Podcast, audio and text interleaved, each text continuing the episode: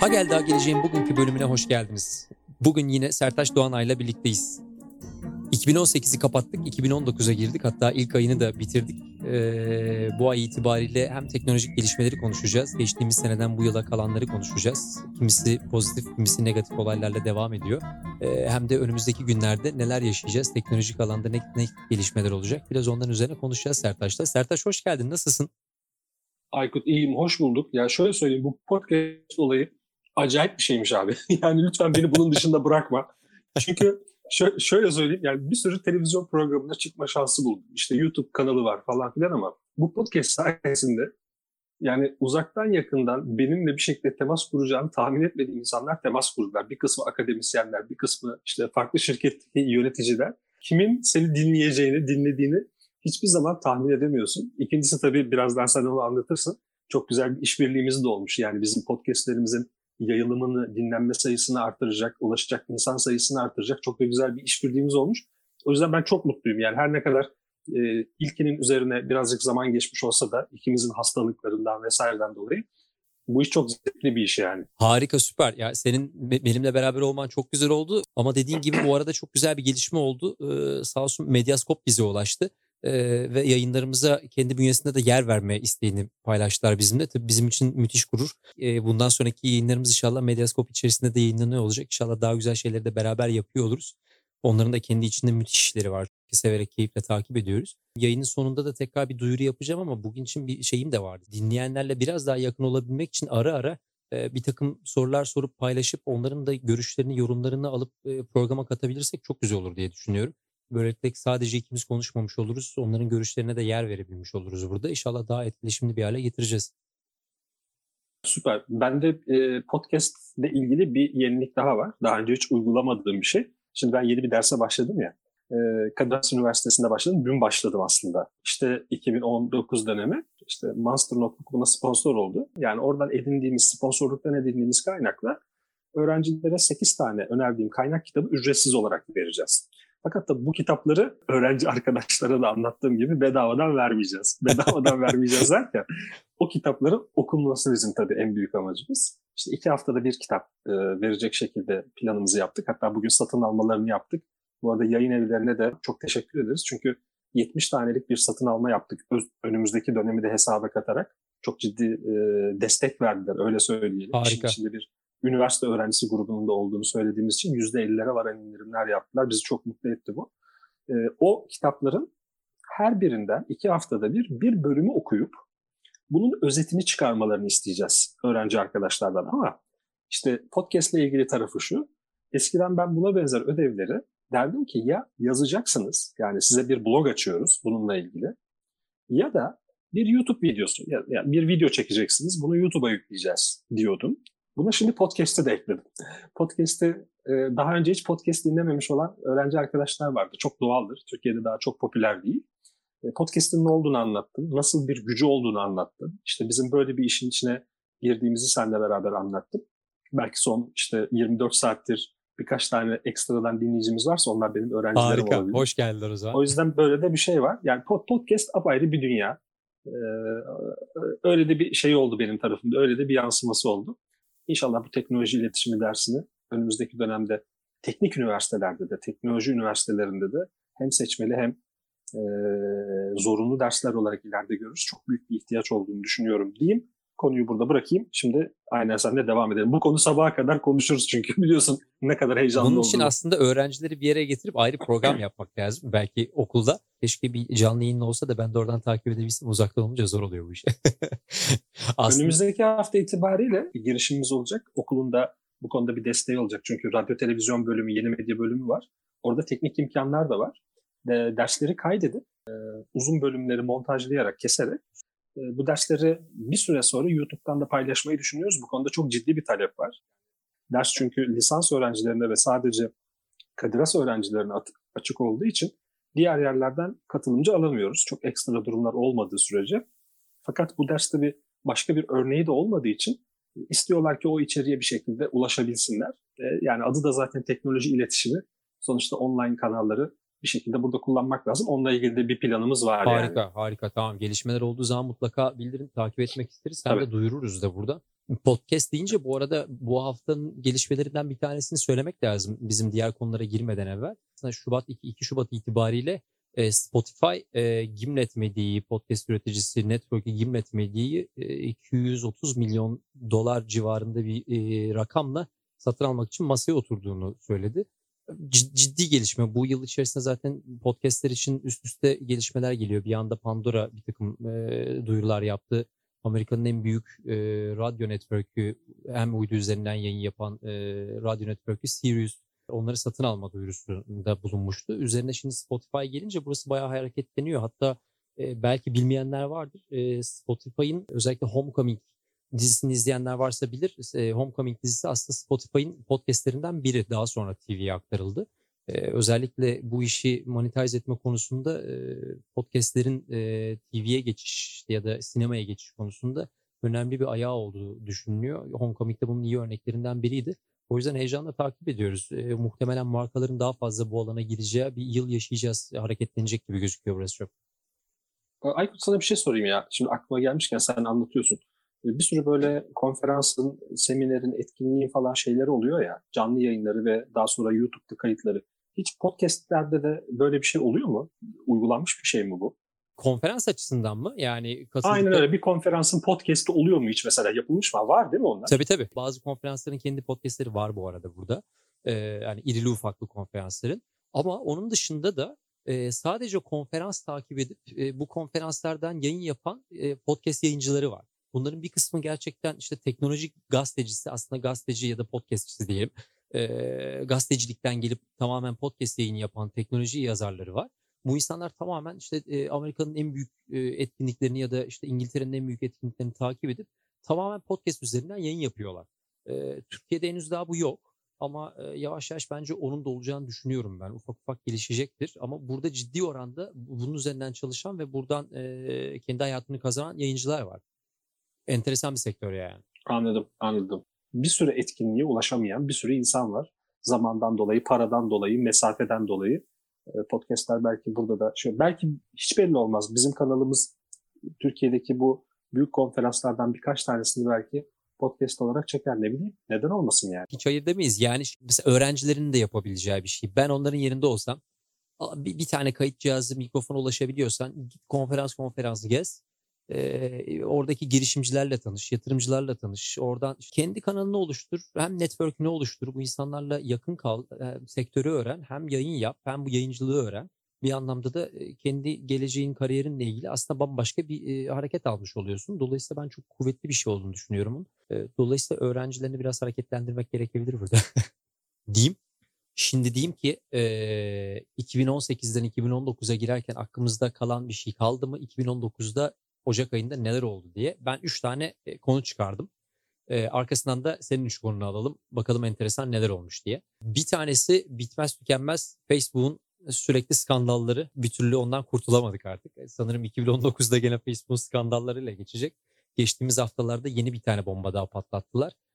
Özellikle çocuk telefon kullanıcıların kullanım alışkanlıklarını öğrenebilmek için e, parayla bir uygulama VPN uygulaması yükletip e, telefonundaki tüm erişim bilgilerini aldıktan sonra işte yazdığı mesajdan lokasyon datasına gelen mesajından kullandığı diğer uygulamaların ne bilgiler paylaştığına kadar her tür bilgiyi bildiğin telefonunun sahipliğini aldıktan sonra bir araştırma yapmaya başlamış. Bir research yap üzerinden. Apple öğrendikten sonra e, uygulamayı kapatmış. Bu uygulama bu arada eskiden belki bilen hatırlayanlar vardır.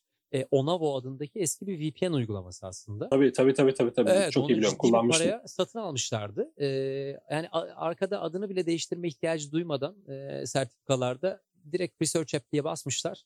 Ve e, sıkıntılı kısım şu aslında. E, Şimdi uygulama yayın aldıktan sonra e, tabii ki Apple'ın bir takım güvenlik uygulamalarından ve onaylarından geçmen lazım. Fakat uygulamayı e, deploy etmemiş gibi sanki içeride kendi çalışanlarına e, test için dağıtıyor gibi bütün kullanıcılara dağıtıyor. Sıkıntı da orada zaten. Dolayısıyla Apple'ı pas geçiyorlar arada.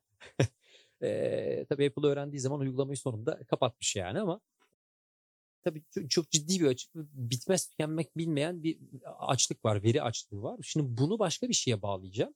E, dün bir not, notlarımdan birinin arasında şu vardı. Motherboard'un çıkardığı iki hafta kadar önce yanlış hatırlamıyorsam çıkardığı bir haberde e, Amerika'daki telekom firmalarının kullanıcılarının anlık lokasyon datasını istediğin zaman 300 dolar gibi bir paraya bu adam nerededir e, sevgili AT&T dediğin zaman ha şu anda bu adam e, işte San Francisco'da şu bölgede an itibariyle orada diye canlı lokasyon datasını üçüncü parti firmalar üzerinden satıyorlar. Müthiş olay oldu tabii burada. Bomba bir olay oldu bu. Yani e, güvenlik ihlali. Akıl almaz bir şey ya. İnanılmaz düşünsene yani hani e, benim bir hısmım var. Adamın nerede olduğunu bilmiyorum. 300 doları veriyorsun çat diye sana veriyor. Adam anında gidiyor yakalıyor buluyor ve e, tabii burada biraz şeylerle çıkmış. Burada işte ödül avcısı, kelle avcısı şirketler var özellikle işte üzerine bir para konduysa gidip onu buluyor, adalete teslim ediyor falan. Onlar çok kullanıyorlarmış bunu. Bir anda tabii AT&T ve diğer firmalar yok biz bunu biz vermiyoruz işte üçüncü partiler veriyor diye kapatmışlar. Ama tabii gelinen nokta korkutucu derecede artık kontrolden çıkmış vaziyette. İşte bir anda bakıyorsun Facebook senin bütün telefonundan lokasyon ve diğer datalar alıyor. Dün bir üçüncü haber daha dinledim. Bunu show notlarına bırakırım. Ee, gene Gimlet'in podcastlerinden biri Reply All'da e, dün şeyi inceliyorlardı konu olarak. Bu otomatik e, telefon aramalarını. Türkiye'de de başımızın belalarından biri ya sürekli arıyorlar. E, işte şunu satacağız, bunu satacağız. Burada da müthiş derecede robotik aramalar var. Ve artık o kadar onu bu arada insanlaştırmışlar ki artık açtığı zaman merhaba ben bilmem kim diye açıyor insan zannediyorsun onu. Bunların kaynağını biraz araştırmaya e, takmış vaziyettelerde en son programda. Ve diyelim ki mesela benim telefonum senli yüze kayıtlı ama ben San Francisco'ya gittim. E, sistem senin San Francisco'da olup olmadığını kontrol edip ona göre bir telefon numarasını arıyor. Nasıl İstanbul'da işte 216 İstanbul kodu, e, 240 Antalya kodu. Aynen öyle. Ve adamlar şunu yapmaya başlamışlar. Ha dur şimdi mesela diyelim ki ben sigorta satıcısıyım. Senin şu anda San Francisco'nun hangi bölgesinde olduğunu biliyorum ya da İstanbul'da Kadıköy bölgesinde olduğunu biliyorum. Aynı anda e, Bakırköy'de de bir adam var. Tek bir telefon hattından Bakırköy'deki olana ayrı bir arama, işte e, Kadıköy'dekine ayrı bir arama yapıp bunu iki ayrı firmaya satabiliyor adamlar. Böylelikle aynı anda tek bir hat üzerinden milyonlarca dolar para kazanıyorlar bu adamlar. Ve tabii illegal şekilde Ya. senin lokasyonunu alıyor bu arada. ya bu mudur ya? Yani yani bu mudur yani? Hani geldiğimiz yer bu mudur ya? İnanılmaz. İşin içinde hani büyük büyük verisi var. Robot yazılımları var, Çılgın. var oğlu var ve ve geldiğimiz yer burası mı? Yani bunun için mi kullanıyor Evet insanoğlu ve bu arada Allah bak şimdi ya. başka bir şey daha söyleyeceğim. Bu, bu lokasyon ve telefon datasını nereden elde ettiğini de buluyorlar. İşte asıl korkutucu tarafı o. Hani insanlar diyor ya telefonumun verisini versem ne olur diye. İz sürüldükten sonra ortaya şu çıkıyor. Bu telefonun numarasına sahip olmak kolay bir şey değil yani sen vermiyorsan eğer hiçbir yere kaydetmediysen ve günün sonunda şu çıkıyor. Yani kaydı verir mi insanlar dinler uzun uzun ben onu anlatmayayım. Telefonuna yüklediğin uygulamaların bir kısmı hani ücretsiz oyun yüklüyoruz ya kimi zaman geldik ücretsiz oyun ya da ücretsiz hizmen, ücretsiz VPN. Bu uygulamalar senin telefon datan numarandan başlayarak e-mail numarana kadar, IP adresine kadar bütün verilerini üçüncü partilere satıyorlar. Ve bu adamların da böyle aldığı ortaya çıkıyor ve hangi uygulama olduğunu da buluyorlar. Şimdi ismini almadım ama oyun oyun ücretsiz oyunlardan biri. ve hani dikkat edilecek nokta şu benim aklımda kalan yani yüklediğin uygulama ücretsizse ikinci defa düşün ne veriyorsun. Çünkü verdiği şey telefonun e-mail'i kadar var yani. Hani daha ne olsun? Daha ne vermek istersin ki lokasyonun, e-mailin, telefon numaran, içerideki fotoğrafların, yazışmalarını hala korkmuyorsan daha ne yapacaksın zaten? Va- Vallahi yani diyecek diyecek bir şey bulamıyorum yani. evet, evet. Dolayısıyla güvenlikle böyle girdim. Hani 2018'den hakkımızda Facebook'un riskleri vardı. Hani ne olacak diyorlardı ama insanlar biraz daha uyanmaya başladı. Benim e, Ocak'tan aklımda kalanlar bunlar. Bunları show notlarda da zaten veririz. Dinlemek isteyenler dinler diyerek mikrofonu sana bırakıyorum abi. Valla e, sen şimdi bu işte verilerden, güvenlikten, şundan bundan bahsettiğin zaman e, konu direkt benim ilgi alanımdan bir tanesine geliyor. Güvenlik, siber güvenliğe geliyor. Hatta bugün de aslında onun tam günü. 5 Şubat'ta Güvenli İnternet Günü. Şimdi gü- Güvenli İnternet Günü'yle ilgili Çok bugün ironik. işte Instagram'da ondan sonra LinkedIn'de bir, bir şey paylaştım, bir istatistik paylaştım. Şimdi dünyada yaklaşık 350 milyar civarı dijital parola olduğu tahmin ediliyor. Yani çok kaba bir hesap. Bunun hepsinin hesabını yapmak tabii ki mümkün değil ama yani kabaca ne demektir bu? Kişi başı 40 tane parola falan yapar. Çok daha fazlasına sahip olanlar da var tabii. Bu arada kaynağında ne olduğunu söyleyeyim. Mark Goodman e, yazarı Geleceğin Suçları kitabında buna benzer bir sürü güzel bilgi bulabilirsiniz. Şimdi bu 350 milyar dijital parolanın yaklaşık %16'sı şunlardan oluşuyormuş bak Aykut. Birincisi 1, 2, 3, 4, 5, 6. İkincisi 1, 2, 3, 4, 5, 6, 7, 8. Üçüncüsü Q, W, E, R, T, Y yani işte Oo. şeydeki klavye, Q klavyedeki en tepedeki aynı QWERTY. Yorma beni. Ee, bir, bir, bir, bir, bir, bir diğeri. Bir diğeri her dilde e, farklı tabii ki bu. İşte parola 1, 2, 3. Bir diğeri ABC 1, 2, 3. Bir de bunlara son işte 3 senedir, 5 senedir e, şu iki tane romantik parola eklenmiş. Çocuk ismi, doğum tarihi. Yani çocuk ismi 2009 atıyorum Mehmet 2009. diye son olarak da sevgiliyle tanışılan tarih ve sevgilinin adı. Dolayısıyla iş işte veri güvenliği, ondan sonra e, siber güvenlik gibi konulara geldiği zaman önce bir bunu söyleyeyim istedim. Ya böyle bir ciddi bir sorun var. Bu şu, şu anlama geliyor. Yani dünyadaki bütün dijital parolaların %16'sı, kabaca 6'da biri bu saydıklarımızdan oluşuyorsa eşittir şu demek bu. Ben senin kullanıcı adını biliyorsam sen de bu parolalardan bir tanesini kullanıyorsan birkaç saniye alıyor benim senin hesabına ulaşmam. Yani bütün bütün her şeyine ulaşmam. Yani Evet. bu telefonun olabilir, bu bilgisayarın olabilir, ondan sonra bu banka hesabın olabilir, e, Facebook'un olabilir. ondan Zaten sonra birine girdin işte mi Facebook'un domino Tabii, gibi tabii, geliyor aynen. zaten. zaten bir sürü insan biliyorsun Facebook'la bağlan seçeneğini Facebook'la hacklediğin zaman geçmiş olsun her şeyini hackliyorsun zaten. yani bankaları bile sen o dönemde çalışıyordun yanlış hatırlamıyorsam Facebook'la bağlan ya da işte Facebook üzerinden bağlan gibi böyle enteresan şeyleri vardı. Ne kadar güvenli olduğunu hiçbir zaman bilemediğim uygulamaları vardı. Da o orada çok enteresan deneyimlerim var. Ban- bankanın kendi güvenlik birimleri bu konuda çok iyiler aslında. Yani Hı hı. zaten otomatik bankanın güvenlik birimi otomatik hayır demek için var olan bir birim.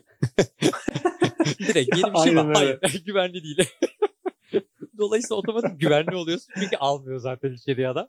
Yani sen zorluyorsun ama bak teknolojik gelişme, yenilik falan diye. Ama tabii haklı olduğu taraflar var yani. Hani işte bak bugün geldiğimiz noktada 5 sene evvel biz Facebook'la bankacılık yapmaya çalışıyorduk. Şimdi bugün baktığın yerde Facebook kendi telefonundan atmaya çalışıyorsun.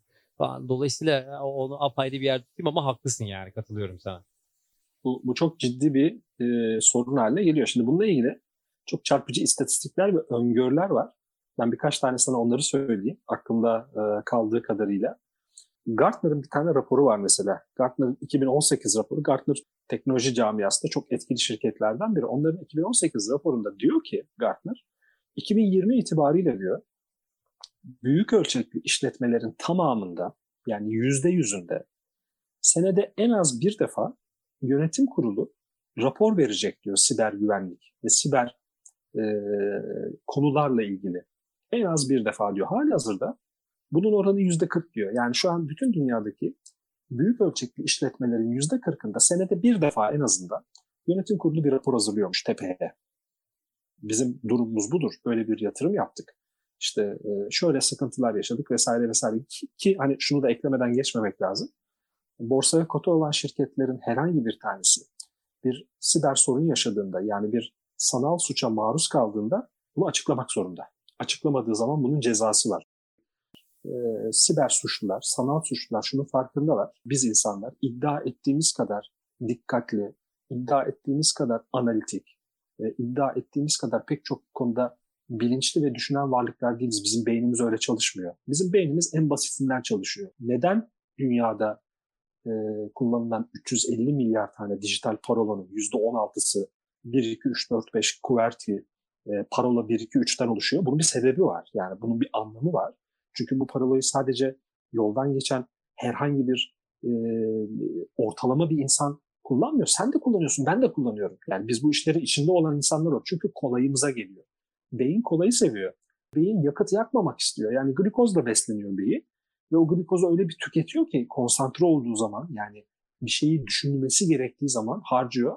Ve fakat aynen şey gibi elektronun doğası gibi beyin de en az harcana, harcanacak enerjiyle en fazla verimi ortaya çıkartmaya çalışan bir varlık. Yani bir bu mekanizması böyle. Siber suçlular da bunun farkında. Şimdi Gartner'ın raporundan e, yola çıkarak bunu söyledim. Yani çok yakın zamanda bütün şirketler, e, büyük ölçekli bütün şirketler yönetim kurulu tarafından raporlanacak. Yani hissedarlara raporlanacak. Denecek ki biz siber konular, siber suçlar konusunda, siber güvenlik konusunda böyle bir yatırım yaptık. Bunları bunları uyguladık. ve e, böyle şeylerle karşılaştık. Şimdi siber güvenlik şöyle bir konu, sanal suçlar şöyle bir konu. Aynı trafik kazalarına benziyor abi. Trafik kazalarında da bir sürü etken var. Kazaya sebep olan. Fakat istatistikler gösteriyor ki %94 insan hatasından kaynaklanıyor. Zenna Danışmanlık diye çok e, güzel raporlar çıkartan bir şirket var. E, o iki ortağı var Nuray Nuran. Onlara da buradan selam olsun. Çok değerli araştırmalar yapıyorlar. Teknoloji konusunda böyle bin kişilik, iki bin kişilik, üç bin kişilik. O araştırmalarından bir tanesi şeydir bu arada. E, bu bahsettiğim araştırma kamuya açıktır. İşte Türkiye'nin e, büyük kurum, büyük orta ölçekli kurumlarının dijitalizasyonu ile ilgili, dijital uygulamalara geçişiyle ilgili 2018'in başlarında çıkan bir rapordur bu. Taze bir rapordur yani. 43 tane CIO ile görüşme yapmışlar ki bu kişilerin çalıştıkları şirketler Türkiye'nin ilk 500'ünde yer alan şirketler. Çok büyük ölçekli şirketler yani böyle 3 bin kişi, 5 bin kişi, 20 bin kişi çalıştıran şirketler. Birkaç tane soru sormuşlar. Orada çok çarpıcı bir şey çıkıyor. O yüzden bunun detayını anlatıyorum. Demişler ki işte sizin için e, dijitalleşme ne kadar önemlidir? %80'i bizim için çok önemlidir demiş. Hangi alanlara yatırım yapmanın önemli olduğunu düşünüyorsunuz diye sormuşlar. Yani sizin için öncelikli alanlar ve bütün sektörler için öncelikli alanlar nedir diye sormuşlar. En başta şey geliyor cevapların. Siber güvenlik geliyor. Yani siber güvenlik en çok yatırım yapılması gereken alan olarak gösteriliyor, işaret ediliyor. Fakat sorulardan bir tanesi de şu. Hali hazırda yaptığınız e, dijital yatırımların kırılımı nedir diye soruyorlar. Hangi alanda yatırım yapıyorsunuz işte yani yatırım derken yazılım tarafı ne bileyim işte e, diğer taraf şu taraf bu taraf. Siber güvenlik yüzde birle en son sırada. Yani şöyle bir inanç var. Siber güvenlik çok önemlidir. Ama Ondan aksiyon sonra yok. e, biz buna çok aynen öyle. Orada aksiyon yok. Dün Microsoft'un bir büyük bir tedarikçiler toplantısı vardı. Çok önemli bir istatistik paylaştı genel müdür yardımcısı. E, dedi ki Türkiye en çok siber saldırıya maruz kalan ilk 5 ülkeden biri dünyada. Hatta ben ona bir katkıda bulundum. Ona derken yani masadaki arkadaşlara yorum yaparak katkıda bulundum. Benim okuduğum kaynaklardan bir tanesinde Türkiye 3. sırada sanal saldırılar anlamında. Yani Türkiye çok ciddi sanal suçun yaşandığı bir ülke ve maalesef korunmayan bir ülke. Dolayısıyla Türkiye bu konuda gerçekten ciddi yatırım yapması gereken bir ülke ama tablo böyle. Tablo böyleyken bunun iyi de yani bunları anlatıyorsun da bunun çözümü nedire geliyor konu. Çözümü aslında çok basit. Yani basit derken o kadar basit değil teknik tarafta ama toplumsal tarafta yani kişiler, insanlar tarafında yapılması gereken çok net bir şey var. İnsanlara bunun eğitimini vermen lazım. Birinci, birinci adım ne olmalı mesela? Yani ne yapmalıyız şirkette siber güvenlikte diye Google'a yaz. Karşına çıkan kaynakların çok büyük bir bölümünde sana birinci şey olarak, birinci madde, birinci adım olarak diyor ki çalışanlarını eğitmelisin. Hem de çalışanlarını bir kere eğitmelisin değil, çalışanlarını sürekli eğitmelisin. Türkiye dünyada en çok siber saldırı yaşanan 3 ülkeden biri. 43 tane CIO diyor ki bu alana çok ciddi yatırım yapılmalı ve fakat bu alanda biz neredeyse hiç yatırım yapmıyoruz diyor. Hiç yatırım yapmıyoruz demek aslında çalışanlarımıza eğitim vermiyoruz demek. Hiç hiçbir şey yapmamakla eşdeğer. Şimdi dananın kuyruğu, kuyruğunun koptuğu yer şurası Aykut. Şeye benziyor. Sigara karşıtı kampanya yapmaya benziyor. Neden biliyor musun? Ben dijitalle ilgili, teknolojiyle ilgili, inovasyonla ilgili sürüyle içerik paylaşıyorum.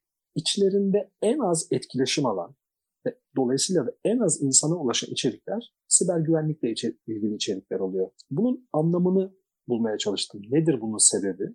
Ondan sonra zaten sigarayla bağlantı kurdum. Genelde sigara içen bir insansan radyoda bir kamu spotu çıktığında direkt radyo, radyo kanalını değiştirirsin veya Duymak televizyonda bir istemiyor. kamu spotu çıktığı zaman aynen öyle duymak istemiyor. Çünkü sen siber güvenlikle ilgili diyorsun ki adama bak kardeşim sen korunmasızsın. Başına bela gelecek. Farkında değilsin. Hatta belki de şu an hacklendin. Bunun bile farkında değilsin. Dolayısıyla senin bundan sonra her yer için farklı paralı kullanman lazım dediğin anda adam diyor ki ya bin tane işim var benim Allah aşkına beni bunlarla uğraştırma. Ben bunları duymak bile istemiyorum diyor. Doğal bir tepki olarak. Bu arada şöyle de bir istatistik var. Eğer yanlış hatırlamıyorsam e, Kolombiya Üniversitesi'nin yaptığı bir araştırma. O kadar çarpıcı bir e, sonuç çıkıyor ki ortalama 6,5 ay sonra saldırıya maruz kaldığını anlıyorlar. Ya şimdi düşünebiliyor musun? İş işten 6,5 ayda Çoktan geçmiş zaten. sızdırılabilen veri. Aynen öyle yani bırak 6,5 ay, ayı ya 6 günde 6 saatte bile bir şirketin bütün verisini alır bir yere kopyalarsın ya. Yani Zaten şaka gibi bir şey. batırırsın da şirketi. Düşünsene bunun bir banka Batı- olduğunu. batırırsın. 6 saat sonra Batırırsın. yandı yürüm keten elbi olur yani. Yani ve dolayısıyla siber güvenlik eğitimi verilmesi, farkındalık yaratılması son derece zor bir konu. Bunun üzerine de gerçekten kafa yorarak yapmak lazım. Aksi takdirde insanlar görmezden geliyor bildiğin ve dinlemek istemiyor. Aynı sigarada olduğu gibi. Yani uğraştırma. Hatta sigara reklamlarının pek çoğunun nöro pazarlama araştırmalarında bu anlatılır. anlatılır. Reklamların pek çoğunun sigara içme isteği yarattığı konuşuluyor. Yani öyle söyleyeyim sana. Orada da te- tersten çalışan bir Sektör mekanizma var. açığı yakalamış ekliyor o zaman sistemi desene. Tabii tabii. Yani bu konuda e, yaklaşık işte 15-16 Avrupa ülkesinin katıldığı dünyanın en büyük e, nörobilim, tüketici nörobilimi araştırmalarından biri var. Bunun da kaynağını söyleyeyim. Martin Lindström'ün Biology diye bir tane kitabı var. Biology kitabında bunun detayları vardır. Bilimsel bir araştırmaya dönüyor bu. Sigaranın, sigara e, paketlerinin üzerindeki bu işte sigara içmeyin, kısır kalırsınız, sigara içmeyin, kolunuz kopar, akciğeriniz patlar falan gibi böyle resimler var ya. O resimlerin gerçekten sigara içme konusunda bir e, istek azalması yaratıp yaratmadığına bakıyorlar.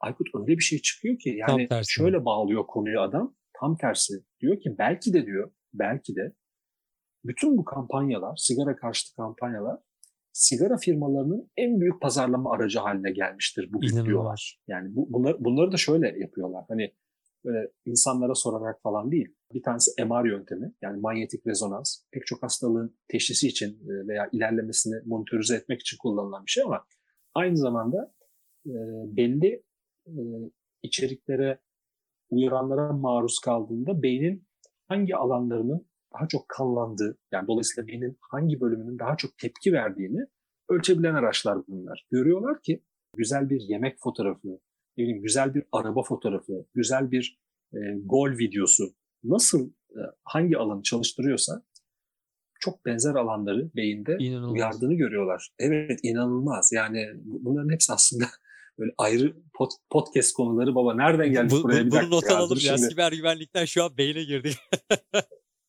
Beyin dalgasıyla pazarlama yoluna doğru gidiyoruz. bu arada bu gerçekten enteresan bir konu. Bu- Bunu koyalım. Bununla ilgili bir yayın yapalım. Bu çok ilginç bir konu çünkü. Bu Yener Girişken vardır bilir misin? Hiç tabii tabii biliyorum. adını? Tabii tabii biliyorum. Bu konuları konuşmak için onu bir şeye davet edelim. Bir podcast'e davet edelim. Eminim çok zevkli geçer. Dinleyenler eğer bu konularla alakalıysa onlara dinleyebilecekleri bir tane podcast söyleyeceğim. Hackable diye bir podcast var. Geoff Siskin diye bir arkadaş yapıyor bunu. O, onu dinlemelerini tavsiye ederim. Hackable'ın içinde e, şirketlerin ya da cihazların, arabaların ya da aklına gelebilecek işte internet bağlantısı olan olmayan her türlü cihazın gerçekten hacklenip hacklenemeyeceğini işte white hacker'ları bulup e, test ediyorlar yayında. E, buna işte senin kendi bilgisayarından tut da e, kullandığın arabanın e, kumandasına ya da işte IBM'in e, şirket içindeki herhangi bir serverına sızmaya kadar aklına gelecek her türlü enteresan senaryo var. E, bunu ben show notlara ekleyeyim. Bence bunu dinlemek isteyebilirler. E, bir de gene benzer bir konu var. Bu şeyi yapan, ilk başta bahsettiğim motherboard'un haberini yapan kişinin de kendi bir podcast olacaktı. Yanlış hatırlamıyorsam Motherboard'un Siber diye bir şeyi podcast'i. Bunun da linkini gene vereceğim. Ee, en son programlarından bir tanesinde bu penetration test yapan beyaz hackerlardan biriyle röportaj yaptı. Ki hacker şey hikayelerini anlatıyor. Hani şirketlere sızmak için nasıl bir yöntem uyguladığını, nasıl işte insanlarla telefon görüşmesi yaptığını. Bu arada aslında kız eskiden e, yazılımcı falan değil, gazetecilik geçmiş olan bir kişi. Gazetecilik eğitimi almış. Fakat insan iletişimi çok kuvvetli olduğu için e, daha sonra yavaş yavaş bu alana kaymış ve bütün olay aslında biraz senin bahsettiğinle de alakalı insanların e, aklından geçeni okuyabilmek, biraz onlar gibi davranabilmek, yavaş yavaş onları açıp ufak ufak bilgileri işte e, parça parça toplayıp bir yere getirip sonra şirketlere sızmak. Tabii sonrasında da işte rapor çıkarıyorlar. Bak senin şirkete şu kadar sürede sızdım, seninkini sızamadım gibi. Dolayısıyla hani bu konularla ilgili şirket yani sadece kişiler değil şirketler de varsa bence biraz dünyada olanları da takip etmek açısından bunlara bakmalarında fayda var. Ee, hangi büyük şirketlerin başlarına neler gelebiliyor? Ben çünkü şeyi hatırlıyorum. Ee, ben Akbank'tayken ara ara şeyler yap- yapılırdı bize. Hiç bilmediğin yerden, hiç tanımadığın bir insan çat diye senin masa telefonunu arar. Başka biri gibi davranıp aslında senden bilgi almaya çalışır. İşte penetration test yapıyorlar aslında. Sen eğer kandın ve verdiysen geçmiş ola zaten hafta sonunda seni çağırırlar. Testten geçemedin diye tutulursun. Hem de pek hoş bir şey olmaz yani. ben siber güvenliği anlatırken biraz böyle ya bugün diyorum bilgisayarlarınızı bir şekilde korumanız gerekiyor. Cep telefonlarınızı korumanız gerekiyor. Bilgisayara sıkıntı çıktı. Virüs bulaştı. Format atıyorsun. Format attırıyorsun bir şeyde. İsveç'te adamlar vücutlarında çiple geziyorlar. 3000 kişinin bir katıldığı bir pilot proje var. Bu çipler sayesinde işte turnikelerden e, dümdüz geçiyorlar. Çok yakında kredi kartı bilgileri eklenecek oraya. E, marketlerde hiçbir kredi kartı, hiçbir cüzdan para kullanmadan alışveriş yaptırabilecek, yapabilecekler. E şimdi düşünsene vücudunda bir şey var. Uzaktan erişilebilir bir dijital cihaz var. Ben Bedenini o cihaza eri- erişip ben o cihaza erişip o cihazı hacklediğim zaman başına neler gelebilecek sorusunun cevabı yok. Bir büyük bir medikal cihaz firmasının ürettiği 460 bin tane kalp pilinde siber güvenlik sorunu olduğu açıklandı FDA tarafından. Yani Şaka korkunç gibi. bir şey. Bu hani şu demek yani senin kalbinde pil var. Bir şekilde kalbinin çalışmaya devam etmesi için o pili kullanıyorsun. Ve ben o pile uzaktan erişebiliyorum. Şeyi yok, savunması yok. Yani o pilin çalışmasını durdurabilirim, çalışmasını yavaşlatabilirim, hızlandırabilirim, ısısını artırabilirim. Seni öldürebilirim yani. Hani başına böyle bir şey getirebilirim seni. Ve bunun yapıldığını kanıtlama şansın bile yok. Makalelerden biri şunu söylüyordu, geçenlerde okudum. Şimdi adli tıp denen bir şey var. Yani biri öldüğünde neden öldüğünü bulabilmek için yapılan işlem otopsi deniyor. Otopside de bir doktor ve bir hukukçunun yani işte avukat, savcı vesairenin bulunması lazım. Yani hazır bulunması lazım ki bunun bir raporu çıkartılabilsin. Ama diyor yakın zamanda belki bir siber güvenlik uzmanının da bu otopsiye dahil olması gerekebilecek diyor. Çünkü sen şimdi bir insanın e, ölüm sebebinin kalp pilinin durması olduğunu tespit edebilirsin.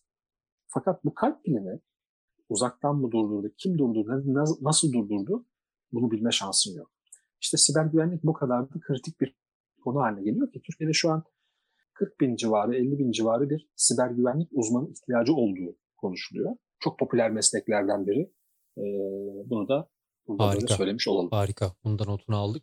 Dolayısıyla içimiz karararak nasıl yaşayacağız biz bu güvenlik açıklar arasında diyerek programı. Bak senin bile senin bile içini kararttırdın ya bak görüyorsun değil mi?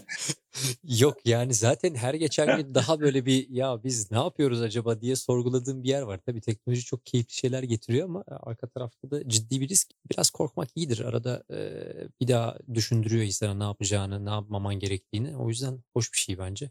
Bakalım o zaman bir sonraki programa kadar yeni notlarımızı, yeni yaşanan olayları, teknolojik gelişmeleri getirerek gene konuşuyor olacağız Sertaç'cığım. Tamamdır. Bugün burada vedalaşalım istersen. Bir saati doldurduk neredeyse? Harika. Aynen öyle. Ben şöyle bir soruyla kapatacağım. Ee, kendi hayatında siber güvenlikle ilgili, kendi telefonunun, bilgisayarının, şirketinin ya da çalıştığı şirketin güvenliğiyle ilgili bugüne kadar herhangi bir şekilde bir sorun hissettiğini düşünen, bununla ilgili bir eğitim alması gerektiğini düşünen ya da alan ya da bu konuda enteresan deneyimleri olanlar varsa bize sosyal medya kanallarından bir mesaj atsın. E, E-mailleşebiliriz. E, Bilgilerimiz zaten sayfamızda var. E, Sesli mesaj da gönderebilirler, yazılı mesaj da gönderebilirler. Biraz fikirlerinizi, görüşlerinizi alın diye böyle biraz etkileşimli hale getirmek isteyeceğim. Diyerek ortaya bırakayım soruyu. Ee, arkasından da Sertaç sana çok teşekkür ediyorum katıldığın için. Ee, uzun bir hastalık dönemini sen ve ben geçirdikten sonra nihayet bir araya gelebilmek güzel oldu. Yenileri için heyecanla yeni kayıtları yapmayı bekliyorum. Eyvallah. Ellerine sağlık, ağzına sağlık. Haftaya görüşürüz. Çok teşekkür ederim. Benden aldı bana sattı. Vallahi gider ayak. Neyse ben anca giderim bu hızdan artık. Hadi güle güle Mustafa. Beni ışınla ışınla enerjiyle.